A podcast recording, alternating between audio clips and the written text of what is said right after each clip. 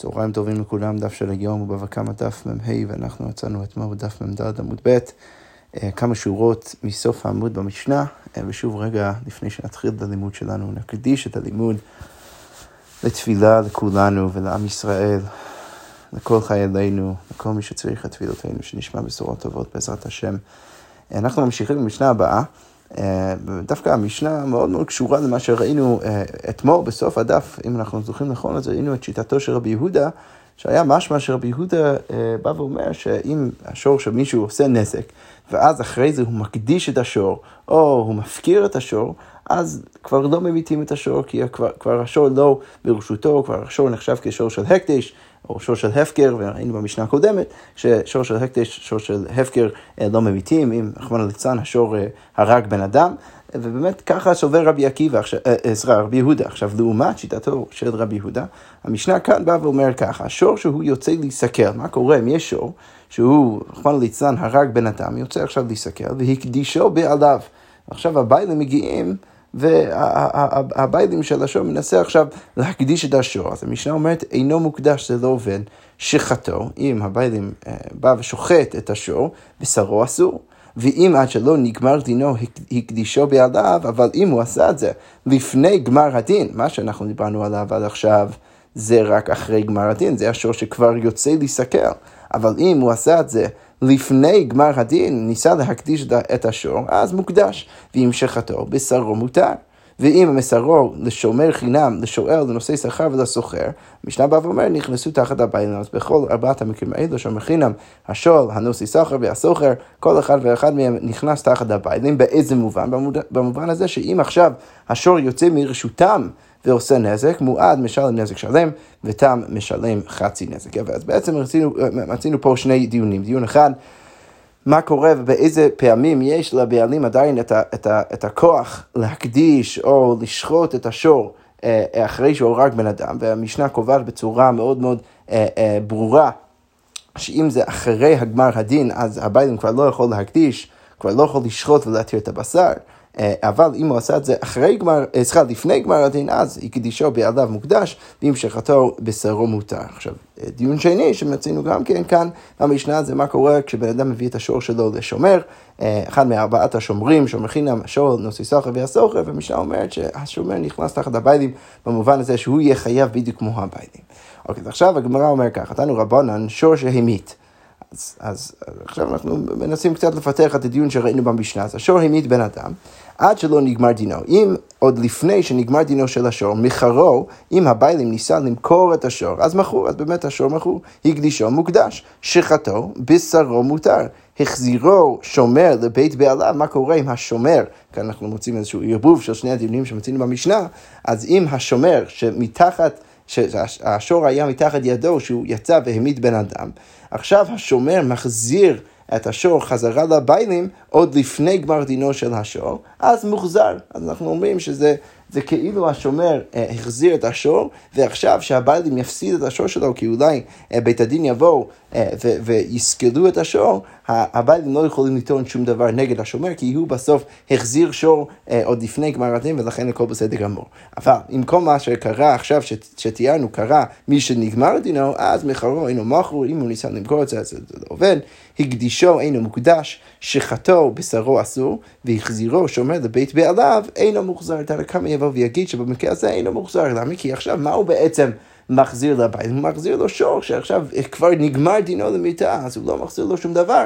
עכשיו השומר צריך לשלם חזרה לביילים אה, את הערך של השור. אבל רבי יעקב אומר, אף מי שנגמר דינו, אפילו אחרי שנגמר דינו, החזירו, החזירו אה, שומר לבעליו, אם השומר... אז בשלב הזה החזיר את זה לבעליו, אז עדיין אנחנו נגיד שמוחזר, למרות שזה אחרי גמר דינו, והוא כאילו לא מחזיר שום דבר לביילים שיש בו ערך, כי עוד שנייה אנחנו הולכים לזכור את זה, בסוף מה שהוא החזיר זה, אה, זה, זה שור שעוד חי, ולכן אה, זה נחשב כאילו הוא החזיר את זה, והוא לא יצטרך עכשיו לשלם לביילים עבור הערך של השור. אוקיי, אז עכשיו הגמרא רק אה, רוצה להבין נקודת המחלוקת בין תנא קמא סלש רבנן ורבי יעקב. אז הגמרא אומרת, למה בהוקא מפלגי? אולי נקודת מחלוקת בין רבנן ורבי יעקב זה בדיון הבא. דרבנן סברי אין אומרים באיסורי הנאה הרי של, שלך לפניך. מה קורה במקרה שיש משהו שהוא אסור בהנאה? אז אה, בואו נגיד לצורך העניין, אה, חמץ, אנחנו נראה את זה עוד שנייה בגמרא, אבל בוא נגיד שבן אדם גונב או גוזל חמץ מחברו, ואחרי הפסח הוא מחזיר את זה חזרה לחברו. עכשיו, אחרי הפסח, מה הדין של החמץ? החמץ זה חמץ שעבר עליו הפסח, זה אסור בהנאה. ועכשיו הוא מנסה עכשיו להחזיר את זה חזרה לביילים. עכשיו, יש שני צדדים, מצד אחד אתה יכול להגיד, הוא לא מחזיר לו שום דבר, הוא מחזיר לו משהו שאסור בהנאה, אז ברור שזה לא נחשב כהחזרה אה, אה, שלמה, ולכן הוא עדיין צריך לשלם לו עבור הערך של החמץ, כי הביילים כבר לא יכולים לעשות שום דבר עם החמץ הזה. מצד שני, מה אפשר אולי להגיד? אולי יכול להגיד, הרי שלך לפניך, אני בסוף מחזיר לך את מה שהיה, אני לא שיניתי את זה, לא, שום דבר לא השתנה בתוך החמץ, אולי משהו השתנה במעבר הזמן, בזה שעבר פסח, אבל אתה מסתכל, זה בדיוק אותו חתיכת לחם שאני גנבתי ממך, וזה בדיוק מה שאני מחזיר, אולי הוא יכול לטעון ככה. עכשיו, הגמרא עכשיו רוצה להציע שמחוג בין רבנן ורבי יעקב זה בדיוק בשאלה הזאת, שרבנן יגידו, אחרי שנגמר דינו של השור, אז אתה כבר לא יכול עכשיו להחזיר את זה חזרה לבית, כי אין אומרים באיסורי הנאה הרי שלך לפניך, זה לא עובד. אבל רבי יעקב סבר אומרים באיסורי הנאה הרי שלך לפניך, ורבי יעקב לכאורה סובר שכן אפשר להגיד את זה, ולכן כאן, במקרה הזה, למרות שנגמר תינו של השור למידה, עדיין אפשר לה, לה, להחזיר את זה חזרה לביילים. אז כמו אומרת לו, אמר רבא דכולי עמא אומרים באיסורי הנאה הרי שלך לפניך. לא באמת, כולם יגידו באיסורי הנאה שאתה יכול להגיד הרי שלך לפניך. למה אם כן, כי אם רצית להגיד שיש, שזאת נקודת המחלוקת ביניהם, אז נפלוג לעניין חמץ בפסח. אז היית צריך לראות מחלוקת גם כן לענייני חמץ בפסח, מה שאנחנו לא מוצאים, שם אנחנו רואים שאפילו רבנן מודים. שלגבי חמץ בפסח, הגנב יכול להחזיר את החמץ חזרה אחרי הפסח, חזרה לבית, הוא יכול להגיד לו, הרי שלך לבניך. עכשיו, מזה שחכמים לא חולקים שם, אז ודאי שכאן צריך להגיד שנקודת המחוקת זה לא זה. זה לא, זה לא השאלה האם אתה יכול להגיד באיסורי הרי שלך לבניך, לכן אנחנו צריכים בעצם למצוא עוד נקודת מחוקת ביניהם. אלא הכה, מה צריך להגיד? בגומרין דינו של שור שלא בפניו כמפלגיה. אולי צריך להגיד... הנקודת מחלוקת ביניהם זה האם אפשר לגמור את דינו של השור, שהוא עכשיו מגיע לו עונש של סקילה, שלא בפני השור. האם אפשר, השאלה היא האם אפשר לעשות את זה, וזה נקודת המחלוקת בין רבנן ורבי יעקב. עכשיו, איך זה מסביר את המחלוקת ביניהם? דרבנן סברי, חכמים חושבים שמה, אין גומרין דינו של שור אלא בפניו. אתה לא יכול לגמור את דינו של השור, אלא אם כן השור עומד מלפניך. למה? ולכן חכמים יגידו שמה שהשומר עכשיו מחזיר חזרה לביילים אינו מוחזר. למה? כי מה... הביילים יכולים לטעון נגד השומר, דאמר לה, הוא יכול להגיד לשומר, אי הדרתי ניהלי, אם היית מחזיר לי את השור לפני גמר הדין, אז הווה מערק לי לאגמא, הייתי שם אותו באגם, איפה שאף אחד לא יכול למצוא אותו. ואז הם לא היו יכולים לגמור את דינו למיטה. אבל עכשיו, מה אתה עשית? השתה התפסתי לתוראי בידה דלא יכינו להשתהיו דינו בהדה. אתה נתת לבית הדין עכשיו לגמור את דינו של השור שלי, ואני לא הייתי עושה את זה. אם היית מחזיר, זה, מחזיר לי את השור עוד לפני גמר, גמר הדין, אז הייתי שם את זה במקום אחר. עכשיו, כל זה הרי כמובן מבוסס על זה שחכמים חושבים שאין גומרים דינו של השור על בפניו. ולכן הבעלים יכולים לטעון נגד השומר, הייתי שם את זה במקום אחר, ולא היו יכולים לגמור את דינו של השור. ולכן אנחנו אומרים אינו מוחזר. אבל רבי יעקב, מה הוא סובר? רבי יעקב סובר, גומרים דינו של השור שלו בפניו. כן, אפשר לגמור את דינו של השור שלו בפניו. דאמר לי, סוף סוף מגמר חבו גמרי לדינו, ולכן השומר יכול להגיד חזרה לביילים, בכל מקרה, לא משנה מה, בין אם הייתי מחזיר לך זה לפני או אחרי, בכל מקרה היו גומרים את דינו של השור, ולכן זה לא בעיה שלי, ולכן זה נחשב כמוחזר, וזה נקודת המחלוקת ביניהם. אוקיי, אז עכשיו מעולה. אז עכשיו הסברנו מה נקודת המחלוקת בין רבנן ורבי יעקב. חכמים אומרים שאין גומרים את דינו של השור שלו בפניו, ורבי יעקב אומר שכן. אז עכשיו הגמרא שואלת, מה הייתה מדי רבנן? למה שחכמים יגידו דבר כזה? למה אי אפשר לגמור את דינו של השור אם השור לא שם? אז, אז הגמרא אומר, כתוב בתורה, השור יסתכל וגם בעליו ימד. מה אני רואה? כמיתת הביילים כך מיתת השור. אני רואה שיש כאן הקש בין מיתת הביילים לבין מיתת השור. מה הביילים בפניהם? אז כמו שלגבי בני אדם, אתה לא יכול לחייב בן אדם מיתה, אלא אם כן הוא עומד שם ואתה עושה את זה בפניו. אז כמו כן, אף השור בפניו, השור צריך להיות שם כל עוד לא שם, אתה לא יכול לגמור דינו. ורבי יעקב, מה יגיד? בשלום הביילים, אני מבין לגבי הביילים, למה, למה שנגיד את זה? כי בני תייננים, כי יכול להיות שאולי הוא יטען משהו, אבל לשור, בר טענת הוא, האם השור יכול לטעון משהו לכאן או לכאן? ברור שלא, ולכן זה לא משנה אם השור עומד כאן או לא, אתה יכול לגמור את דינו של השור, אפילו אם הוא לא שם. אוקיי, יפה, כל זה לגבי החלק הראשון של המשנה. עכשיו אנחנו חוזרים חזרה למשנה, את החלק השני, שראינו שם, שאמרנו שאם הוא מסר את זה, את השור שלו לשומר חינם, לשור, נוסי סחר והסוחר, בכל מקרים האלו השומר נכנס תחת הביילים, במובן הזה שאם השור עכשיו יוצא ועושה נזק, אם זה שור מועד, אז השומר צריך לשלם נזק שלם, ואם זה שור תם, הוא צריך לשלם רק חצי נזק. אז כמו אומרת לנו רבנו כתוב בברייתא, ארבעה נכנסו תחת הביילים, יש ארבעה נשים שנכנסו תחת הביילים, ואלו הן שומר חינם והשור נושא סחר והסוחר. אגב, בואו רק נסביר, נבהיר את התמונה, מה עם כל ארבעת המקרים האלו. אז שומר חינם זה בן אדם שמסכים לשמור על חפץ מסוים, או במקרה שלנו על השור. בלי שהוא יקבל uh, תשלום על הדבר הזה. וכמובן שהציפייה ממנו הוא הכי הכי נמוך מבחינת ה, ה, מה הוא צריך לשמור, כי בסוף, או, או, או, או מבחינת מתי אנחנו מחייבים אותו, כי בסוף הוא הסכים לשמור על החפץ, הוא לא משתמש בחפץ, הוא גם לא מקבל עבור זה כסף, ולכן אה, יש לו ציפייה נמוכה ואנחנו לא, לא, לא בקלות מחייבים אותו. והשואל זה הקיצון השני, שהוא בא ולוקח את החפץ והוא יכול להשתמש בו ולא משלם שום דבר, הוא שואל את החפץ. נושא שכר, שזה בן אדם שאומנם מצד אחד שומר ולא משתמש, ומצד שני הוא מקבל כסף, והסוחר שאומנם מצד אחד יכול להשתמש, ומצד שני הוא משלם אה, כסף. הוא, הוא שוכר את הדבר, הוא, משלם כסף אה, לבעל החפץ, או במקרה שלנו בעל השור, אה, אבל בכל מקרה, ארבעת המקרים האלו, אז אנחנו אמרנו, כמו שאמרנו גם כן במשנה, שהם נכנסו תחת הביילים, ולכן אה, מה שאמרנו במשנה, אם הם עשו נזק מועדין, אז התשלום צריך להיות נזק שלם, ותם חצי נזק. משחה הברייתא ואומרת, הרגו תמין, אם השור הזה יצא והרג ליצלן אה, והוא היה שור תם, אז נהרגים, אז אנחנו הורגים את השור, כפי הדין של השור תם, ופטורים מן הכופר, ובמקרים האלו אז השומרים פטורים לשלם על הכופר. אוקיי, מועדין, אם הוא יצא והרג אה, והוא היה שור מועד, אז נהרגים, אז גם הורגים את השור ומשלמים את הכופר, במקרה הזה השומר צריך לשלם את הכופר. וחייבים להחזיר את דמי שור לבעליו, וגם כן, לא רק שהם צריכים לשלם את דמי הכופר למשפחת המת, אלא גם כן הם צריכים להחזיר את דמי השור לבעליו, חוץ משור חינם. אז כל שאר שלושת השומרים, השוער, הנוסי סחר והסוחר, הם צריכים גם כן לשלם את הערך של השור, שעכשיו אנחנו סקלנו אותו בבית הדין, הוא צריך לשלם את, ה, את הערך של השור הזה חזרה לבעלים, חוץ מהשומר חינם, כי הש, את, את השומר חינם אנחנו פוטרים.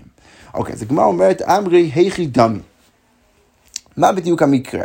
כאן אנחנו מנסים בעצם להבחין אה, אה, מה, מה בעצם, בעצם מסביר את הדין, או את, את הרצף של דינים שקיבלנו עכשיו בברייתא. אז כמו אומר ככה, אי דנטרי אפילו כולו נמי ליפטרו, אם אתה רוצה להגיד דבר מקרה שהשומר שמר על השור כמו שצריך, אז היינו לכאורה צריכים לפתור את כולם. אז, אז, אז כולם צריכים להיות פטורים מלשלם את, ה, את, את, ה, את, הדמי, את דמי השור חזרה לביילים, כי הם באמת הם עשו את התפקיד שלהם, אולי השור יצא באונס או משהו כזה, אבל אם הם שמרו כמו שצריך, אז הם צריכים להיות פטורים. ואידא לא אם אתה רוצה להגיד שהם באמת לא שמרו, אז אפילו שומר חינם ניחייב. כאן שוב, רק להביא, אנחנו מדברים על הדין האחרון בתוך הברייתא, שכתוב בברייתא שחייבים להחזיר דמי שור לבעליו חוץ משומר חינם. עכשיו, זה לא מובן עד הסוף, כי אם אתה רוצה להגיד שמדובר כאשר שמרו באמת כמו שצריך על השור, אז היינו צריכים לחייב את, אה, אה, סליחה, היינו צריכים לפטור את כולם, גם את, לא רק את השומר חינם, אלא גם כן את השואל ואת הנושא שכר והשוכר. ואם מצד שני, הם לא, מדובר כאשר שהשומר לא שמר כמו שצריך, אז היינו צריכים לחייב גם כן את השומר חינם. אז הגמרא אומרת, אמרי הכא במאי עסקינן דנטריה שמירה פחותה, ולא נטרי שמיר מעולה. מדובר בקשר שהוא שמר את השמירה פחותא, אבל לא שמר את השמירה מעולה. ולכן, מה אנחנו אומרים? שומר חינם קלתא לא שמירתו. לגבי שומר חינם אנחנו אומרים שזה מספיק, כמו שאמרתי, הציפייה הוא, הוא, הוא, הוא, היא הכי נמוכה לגבי השומר חינם, ולכן אנחנו אומרים שהוא שמר כמו שצריך ולכן הוא פטור, אבל הלך, כל שאר השומרים, לא קלתא שמירתן, זה לא מספיק שמירה, ולכן הם חייבים לשלם את דמי השור חזרה לביילים. אוקיי, אז עכשיו הגמרא של עוד רגע. וכפי שאנחנו נראה בעמוד ב', יש בעצם מחלוקת בין התנאים, מתי אנחנו מחייבים את, את הביילים בעקבות שמירה מסוימת שהוא עשה בשור. אז הגמרא אומרת, רגע, אוקיי, אתה בעצם רוצה להגיד שמדובר במקרה שהוא שמר שמירה פחותה, אבל לא שמר שמירה מעולה. ולכן במקרה הזה השומר חינם אה, אה, פטור מלשלם דמי, הש... דמי השור חזרה לביילים, אבל כל השאר צריכים לשלם את דמי השור לביילים. אז כמו אומרת אמרי כמן, כמו איזה טענה אנחנו הולכים מהמשנה שאנחנו עוד נפגוש אותה בהמשך הדף היום. אי כרבי מאיר, אם אתה רוצה להגיד כמו רבי מאיר, ש, שלגבי השמירה, מה רבי מאיר אומר? אנחנו נראה תכף במשנה, שרבי מאיר אומר ששור מועד לא סגי לי בשמירה פחותה, זה לא מספיק לעשות שמירה פחותה. אז אם אתה רוצה להגיד אה, אה, אה, שאנחנו הולכים כמו רבי מאיר, שאז זה מסביר למה אמרנו בברייתא שלגבי השור מועד, השומר יצטרך לשלם את הכופר, כי לרבי מאיר זה לא מספיק שמירה פחותה לשור מועד. אבל עדיין יש לנו בעיה, כי רבי מאיר גם כן אומר, דאמר אה, אה, סוחר כשומר חינם דמי, ליטני חוץ משומר חינם והסוחר.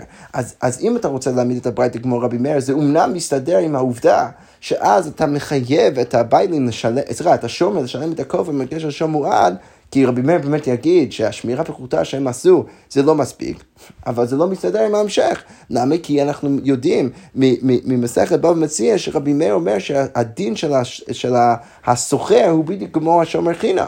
אז הגמרא אומרת, אי כרבי מאיר דאמר סוחר כשומר חינם דמי, אז ליטני חוץ משומר חינם, והסוחר היית צריך לפתור מדמי השור, היית צריך לפתור לא רק את השומר חינם, אלא גם את הסוחר. וכאן, שוב, רק להבהיר, יש פה משהו טיפה אה, אה, מסובך, אנחנו צריכים לעקוב אחרי כל מה שאמרנו בברייתא. אמרנו כמה דינים בברייתא, אמרנו גם כן שהשור מועד, אם הוא ממית בן אדם אז השומר צריך לשלם את הכופר, ואמרנו לגבי דמי השור שהוא צריך לשלם חזרה לביילים, שם אנחנו מחייבים את כל השומרים חוץ מהשומר חינם. עכשיו אם אתה רוצה להעמיד את זה כרבי מאיר, אז מעולה, אז הסברת למה צריך לשלם את הכופר, אבל לא הסברת למה אתה מחייב את הסוחר, כי לכאורה לרבי מאיר, הדין של הסוחר צריך להיות בדיוק כמו השומר חינם, ולכן הוא צריך להיות פטור מדמי, מדמי השור שהוא מחזיר חזרה לביילים. ואיקרא רבי יהודה, אם אתה רוצה להאמין את הברייתא ליבד רבי יהודה, דאמר סוחר כנוסי סחר דמי, שאז זה מסתדר עם הסוחר, שבאמת הדין שלו כמו הנוסי סחר, ולכן אנחנו מבינים למה הוא פטור מלשלם את, את דמי, סליחה, למה הוא חייב לשלם את דמי הביילים חזרה לביילים, וזה רק השומר חינם שפטור, אבל אז יש לנו בעיה עם... השאלה של הכופר, כי ניתני חוץ משומר חינם, וכולן במועדים פטורים לעניין כופר, והיית צריך להגיד שבכל מקרה ומקרה של השור מועד הם פטורים מהכופר. למה? כי לרבי יהודה שמירה פחותה, כפי שאנחנו רואים במשנה, זה מספיק לגבי שור מועד לפתור מהכופר. אז ממה נפשך אתה בבעיה? או לרבי מאיר אתה מסביר מעולה למה הם חייבים בכופר, ואתה לא מסביר טוב למה הסוחר חייב לשלם את דמי השור חזרה לביילים, או שאתה מעמיד את זה כרבי יהודה, ואז אתה מסביר מעולה למה הסוחר צריך לשלם חזרה לביילים את דמי השור, אבל אתה לא מסביר למה הוא חייב בכופר, כי לרבי יהודה, אם אתה מעמיד את כל הברייתא במקרה של שמירה פחותה, לרבי יהודה צריך להיות מספיק, הם צריכים להיות פטורים מהכופר. הגמרא אומרת, אמר רב הונא בר חיננה, המאני רבי אליעזר. אה, אפשר להאמין את זה לא כרבי יהודה ולא כרבי אלעזר, אה, לא כרבי יהודה ולא כרבי מאיר, אלא אפשר להאמין את הברייתא כרבי אליעזר.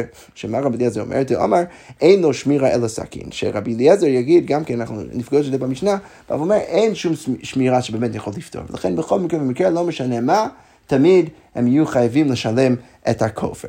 ולכן אפשר להגיד שזה כמו רבי אליעזר, שזה מסביר למה חייבים בכופר, ולעניין סוחר, אפשר להגיד שסבר רק רבי יהודה הוא סופר כמו רבי יהודה, דאמר סוחר כנושא סחר דמי, ולכן זה מסביר גם כן למה הוא צריך לשלם את דמי הכופר. סליחה, את דמי השור חזרה לבית. יפה, כל זה תירוץ ראשון, תירוץ שני, אביי אמר, לעולם כרבי מאיר, באמת אפשר להעמיד את המשנה ליבי דרבי מאיר, שזה מסביר למה הם חייבים לשלם את הכופר, וכדמחליף רבא בר אבוה, וכמו שרבא בר אבוה במסך בבא מציע מחליף את שיטתו של רבי מאיר, שמה רבא בר אבוה אומר, ותני סוחר כיצד משלם, איזה דין יש לסוחר, במקום להגיד שרבי מאיר מדמה את הסוחר לשומר חינם, הוא מחליף את זה ואומר שרבי מאיר אומר כשומר סוחר ורבי יהודה אומר כשומר חינם. אז רבא בר אבוה מחליף את השיטה, הוא אומר שרבי מאיר אומר ששומר חינם זה כמו, סליחה, שרבי מאיר אומר שסוחר זה כמו שומר סחר, ולכן אם אנחנו נלך לפי המסורת הזאת, אז אפשר באמת להגיד שרבי מאיר הוא הטענה של הברייתא, כי אפשר להגיד שמצד אחד זה מסביר למה השומרים חייבים בכופר לגבי השומר מועד? למה? כי השמירה שהם עשו, השמירה הפחותה זה לא מספיק ולכן הם חייבים בכופר. וגם כן זה מסביר למה רק השומר חינם פטור. כי לפי המסורת של רבי בעבור, רבי מאיר באמת אומר שהדין של הסוחר כמו השומר סחר, שזה מלמד אותנו למה הוא גם כן יהיה חייב לשלם את דמי השור חזרה לבית. אוקיי. יפה, אז עכשיו אנחנו רק אה, נמשיך עם הממרה הבא, הגמרא אומרת, אה, אמר רבי אלעזר, מסר שורו לשומר חינם, בן אדם מסר שור לשומר חינם, אם השור יצא ועשה נזק, הזיק, אז חייב, אז באמת השומר יהיה חייב לשלם על, על, על דמי הנזק שהשור עשה, אבל הוזק פטור, אבל אם השור הוזק, כשהוא היה בתוך רשותו של השומר חינם, אז באמת במקרה הזה השומר חינם פטור. אז כמו אומרת, אמרי היחידה, מה בדיוק המקרה? אי דקביל עלי שמירת נזק, אם אתה רוצה להגיד שמדובר במקרה של השומר חינם, אמר במפורש שהוא אה, אה, קיבל על עצמו אה, לשמור על השור מכל ענייני הנזק, אז אפילו הוזק נמי לחייב, אז לכאורה הוא צריך להיות חייב גם כן אם השור הוזק. ואידילא קביל עלי שמירת נזק, אם אתה רוצה להגיד שהוא לא קיבל על עצמו את שמירת נזקיו בין כשהשור יוצא להזיק ובין כשהשור אה, אה, נזק, אז אפילו הזיק נע מליפתא, אז הוא צריך להיות לכאורה פטור, גם כן במקרה שהשור יצא והזיק, כי הוא לא קיבל לעצמו בכלל שמירת נזקיו, וממה נפשך אתה בבעיה? למה אתה עושה חילוק ואתה בא ואומר כשהשור הזיג אז הוא חייב, אבל כשהוא הוזק אז הוא פטור. לכאורה לא ברור. אז כמו אומרת, אמר רבא לעולם שקיבל עליו שמירת נזק. מדובר במקרה שהוא קיבל עליו שמירת נזק, אבל אחר במה עסקינן, כעוד שהכיר בו שהוא נגחן. מדובר במקרה שהוא ידע שהשור הזה הוא שור נגחן. ולכן, סתם מדבר על מה הוא קיבל לעצמו, דלא אזל אי הוא מזיק אחרי נקבל עלי. אז הוא קיבל לעצמו ש, ש, שלא לתת לשור עכשיו לצאת ולהזיק למישהו אחר. לכן כשהוא באמת עשה את זה, הוא יצא והזיק, אז הוא באמת יהיה חייב. אבל דעת יכרינו מאז כי לילה דידה, עכשיו לשמור על שברים אחרים, ש- שהם לא יגיעו אל השור שלו ויעשו נזק לשור שלו, זה לא עסק הדעתי, זה לא קיבל על עצמו, ולכן באמת במקרה הזה הוא יהיה פטור. אוקיי, יפה. עכשיו אנחנו נמשיך למשנה הבאה. המשנה אומר ככה, זה המשנה שאנחנו דיברנו עליה על הדרך, לא, לא ציטטנו את זה במפורש, אבל דיברנו עליה על הדרך, סביב השאלה של מה רמת השמירה שהבנים צריכים לעשות לשור שלו כדי, uh, כדי שזה יהיה מספיק שמירה ואנחנו באמת נפתור אותו מהתשלומים. אז המשנה אומר ככה, קשרו בעליו במוסרה ונעל בפניו כראוי. אז מדובר במקרה שהוא הוא, הוא גם קשר את השור שלו, והוא גם כן נעל את, ה, את הגדר או את הדלת בפני השור כראוי, אבל בכל זאת יצא והזיק. זה בעצם מקרה שבו אנחנו מגדירים כשמירה פחותה. אם הוא עשה שמירה פחותה כזאת, ויצא והזיק, עכשיו השאלה היא מה הדין. אז איך התם, איך המועד חייב דברי רבי מאיר, כמו שפגשנו גם כן דרך הגמרא, רבי מאיר אומר שבשמירה אה, פחותה זה לא מספיק לגבי לא השור תם ולא השור מועד, בשני המקרים האלו הביילים באמת יהיה חייב. אוקיי, ורבי יהודה אמר תם חייב, מועד פטור. אז רבי יהודה בא ואומר שבמקרה של הטעם זה באמת לא יהיה מספיק, ולכן הפעם יהיה חייב לשלם חצי נזק, אבל מועד פטור. לגבי מועד הוא יהיה פטור שנאמר ולא ישמרנו בעליו, ושמור הוא זה. אז כתוב ספציפית לגבי המועד, שהביילים יהיה חייב נזק שלם רק במקרה שהוא לא שמר, ומה שהוא עשה. זה באמת לשמור, הוא שמר. זה אמנם שמירה פחותה, מה שאנחנו מגדירים כשמירה פחותה. ולגבי שמוען, יש גזירת הכתוב, ש... הוא יהיה חייב נזק שלם רק אם הוא לא שמר, וכאן הוא כן שמר, ולכן הוא פטור. אז שוב, לגבי רבי יהודה הוא יהיה אה, חייב בתם, אבל במועד הוא יהיה פטור. ורבי אליעזר אומר, אין לו שמירה אלא סכין. אז אליעזר בא ואומר, אין שום דרך לשמור על השור, אלא אם כן אתה שוחט את השור. ולכן בכל מקרה ומקרה ברור שהוא יהיה חייב. אז, אז בעצם רש"י אה, אה, אה, מסכם לנו את, את השיטון שיוצא מחלוקת משולשת בין התנאים לרבי מאיר, אז, וכאן ההתמקדות הוא ספציפית לגבי שומרן, לרבי מאיר, מה אנחנו נגיד? ששמירה פחותה זה לא מספיק לשור מועד והוא יהיה חייב, אבל שמירה מעולה זה יהיה מספיק. לרבי יהודה גם שמירה פחותה זה בסדר גמור, ומכל שכן שמירה מעולה, ולרבי אליעזר לא זה ולא זה. בשני המקרים האלו, גם שמירה פחותה, גם שמירה מעולה, לא משנה מה, תמיד הוא יהיה חייב. אז הגמר עכשיו אומר ככה, מה הייתה מדרבי מאיר? למה שרבי מאיר יגיד את מה שהוא אומר? למה שהוא יגיד שהשמירה הפחותה שהוא עשה לשון מועד זה לא יהיה מספיק. אז כמו אומר ככה, כסבר סתם שברים, לא בחזקת שימור קיימי. מלכתחילה אתה צריך לדעת ששור הוא לא בחזקת שימור קיימי. ואומר רחמנה, תם חייב דני באי לשמיע פחותה. וכשהתורה מלמדת אותי שלגבי שורתם הבעלים חייב לשלם אה, חצי נזק, אז זה מלמד אותי שצריך שמירה פחותה. עכשיו, על גבי זה, הדר אמר רחמנה לא ישמרנו לגבי המועד. אז סליחה, זה כמו אומרת, הדר אמר רחמנה ולא ישמרנו לגבי מועד, דני באי לשמירה מעולה. זה מלמד אותי שלגבי המועד, אני צריך שמירה מעולה. עכשיו, ויוליף נגיחה לטעם, ואני יכול אה, ללמוד שיש הקש בין טעם ומועד, יוליף נגיחה לטעם, נגיחה למועד, שמה שאני למדתי עכשיו מהפסוק ולא ישמרנו שצריך שמירה מעולה, זה נכון גם לגבי הטעם, גם לגבי המועד, בשני מקרים האלו תמיד צריך שמירה מעולה. שמירה מעולה זה באמת פותר את הבעיה, אבל שמירה פחותה, הוא יהיה חייב גם בשור טעם, גם בשור מועד. אוקיי, כל זה שיטתו של רבי מאיר. רבי יהודה סבר, סתם שברים בחזקת שימור קיים. רבי יהודה סבר, לא. סתם שור הוא בחזקת שימור, אתה לא צריך לשמור עליו. ולכן אמר רחמנה, טעם נשלם דני באי לשמירה מעולה. ולכן התורה כשהיא אומרת שהטעם, לגבי טעם צריך לשלם נזק שלם, זה מלמד אותי שצריך שמירה מעולה. אני, אני קופץ זה שמירה מעולה, כי עד עכשיו אני הנחתי שהשור הוא בסדר גמור, בחזקת שימור קיימי. אז, אז, אז כשאתה בא ואומר שלגבי טעם אתה מחייב חצי נזק, אז זה מלמד אותי שהחזקת שימור שהוא עומד עליו בצורה בסיסית זה לא מספיק, אני צריך יותר מזה, אני צריך שמירה מעולה. ולכן, הדר אמר רחמנה, אחרי זה בשמועד ולא ישמרנו ב... ולכן, הדר המחמנה לגבי שם מועד, התורה אומרת ולא ישמרנו לגבי מועד, דנאבי לשמירה מאולץ, וזה גם כן מלמד אותי שצריך שמירה מאולץ. בעצם יש פה משהו מיותר, גם לגבי שותם, גם לגבי שם מועד, יש איזשהו לימוד שאני צריך שמירה מעולה.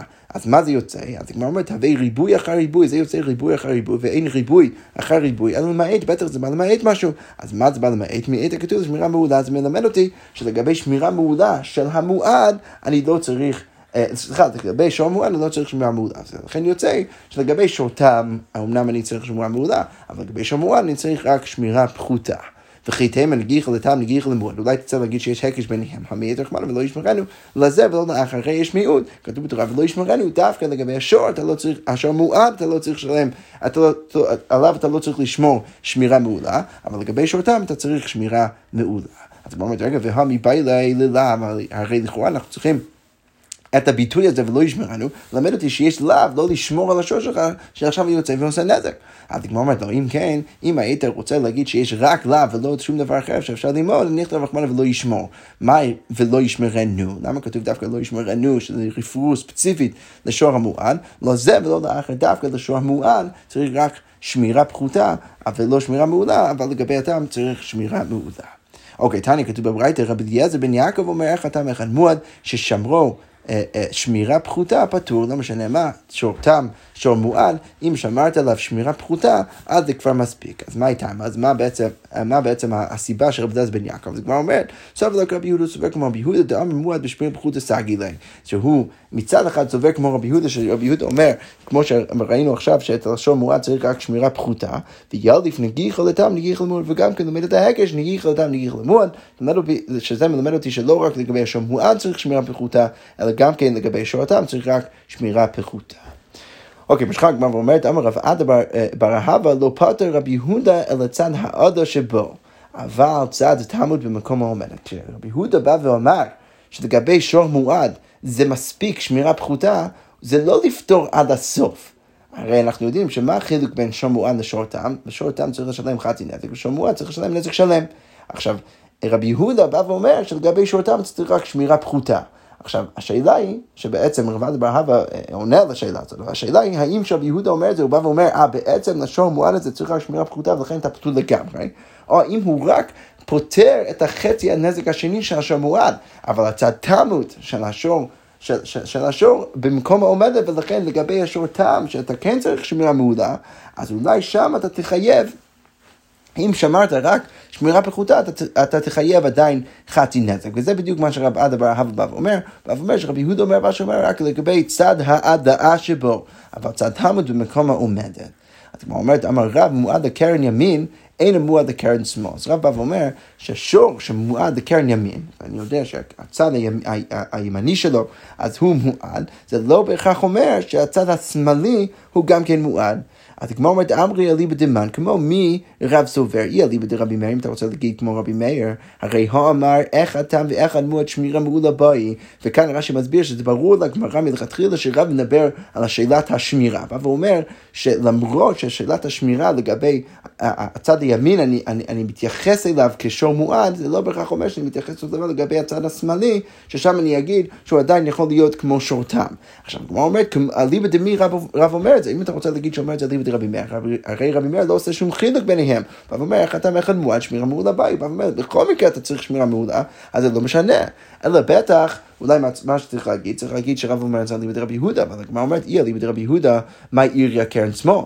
למה שרבי יהודה, למה שרב יגיד שבגלל שהוא מועד בצד ימין, אז פתאום הוא, מועד, הוא, הוא, הוא לא מועד מצד שמאל, הרי הוא, הוא היה יכול להגיד חידוש הרבה יותר גדול, אפילו, ב, אפילו בימין נמי, אית בצד תלמוד ואית בצד מועדת. זאת אומרת, אפילו בתוך הצד הימין לרבי יהודה, לפי מה שרב עדה בר הווה אמר עכשיו בשיטתו של רבי יהודה, גם בתוך הצד הימין יש בו גם כן צד תלמוד וגם צד מועדת. אז שוב, בואו רק נבהיר. אם אתה רוצה להגיד שרב אומר את מה שהוא אומר, הוא בטח לא יכול להיות אליבא דרבי מאיר. אם אתה רוצה להגיד שהוא אומר את, את מה שהוא אומר אליבא דרבי יהודה, אז בואו ננסה להבין מה בעצם הוא אומר.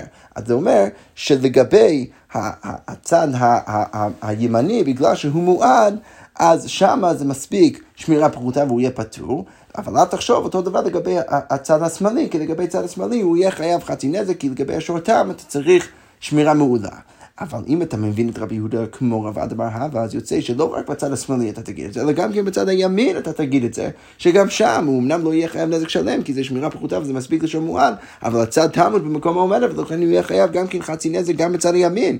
אז, אז, אז, אז למה הוא צריך לקפוץ לצד השמאלי כדי להגיד את החידוש שלו? זה נכון גם כן בקרן הימין עצמו. אז הגמרא את אמרי, מה צריך להגיד לעולם רבי יהודה? באמת, רב אומר כמו יהודה, ולא סביר על ידי רב עדה בר הווה, אבל לא סובר כמו רב עדה בר הווה. ולכן רב בא ואומר שאני לא סובר כמוך רב עדה בר הווה שכל פעם שיש לי שם מועד יש לו גם כן צד תמוד שתמיד עליו אני אהיה חייב חצי נזק, אלא דווקא אם אתה רוצה לחפש בסיטואציה שבתוך השור יש צד תמוד, זה דווקא במקרה הזה. כשאתה מסתכל על הצד הימין, על קרן הימין אתה אומר שהוא מועד, ועל הצד השמאלי, אז אתה אומר שהוא, שהוא תם. שם אתה יכול למצוא צד תמוד בתוך אותו השור, אבל לא בכל השור עצמו. רב בא ואומר ככה, והוכי אמר, כי היי גבנו דמשכחת בצד תמוד ומועדת. דווקא במקרה שלי, יש צד תמוד וצד מועדת, אבל מועד לגמרי לא משכחת בצד תמוד כלל. אבל אם השור באמת בכל כולו הפך להיות שם מועד, אתה לא יכול למצוא בתוכו צד תמוד, ולכן אם שמרת עליו שמיעה פחותה, ליבד רבי יהודה, אתה תהיה פטור לגמרי לפי שיטתו של רב, ולא כמו שרצה להציע עכשיו רב עדה בר הווה, שתמיד אתה תהיה חייב את החצי נזק של השורתם, ורק את החצי השני עליו אתה תהיה פטור. רב חולק על זה, בא ואומר, לא, זה דין שהוא לא נכון. ומתי אני יכול למצוא צד תלמוד בתוך אותו השור? רק אם אני מסתכל על שני הצדים של השור. אני בא ואומר שרק הצד ימין הוא מועד, הצד השמאלי הוא אמנם יכול להיות סתם, אבל כשכל השור הופך להיות שור מועד, אז כבר אין צד ואתה מתייחס אליו רק כשור מועד. יפה, אנחנו נעצור כאן, ונשאיר רב השם עם המשך הסוגיה. שקויה.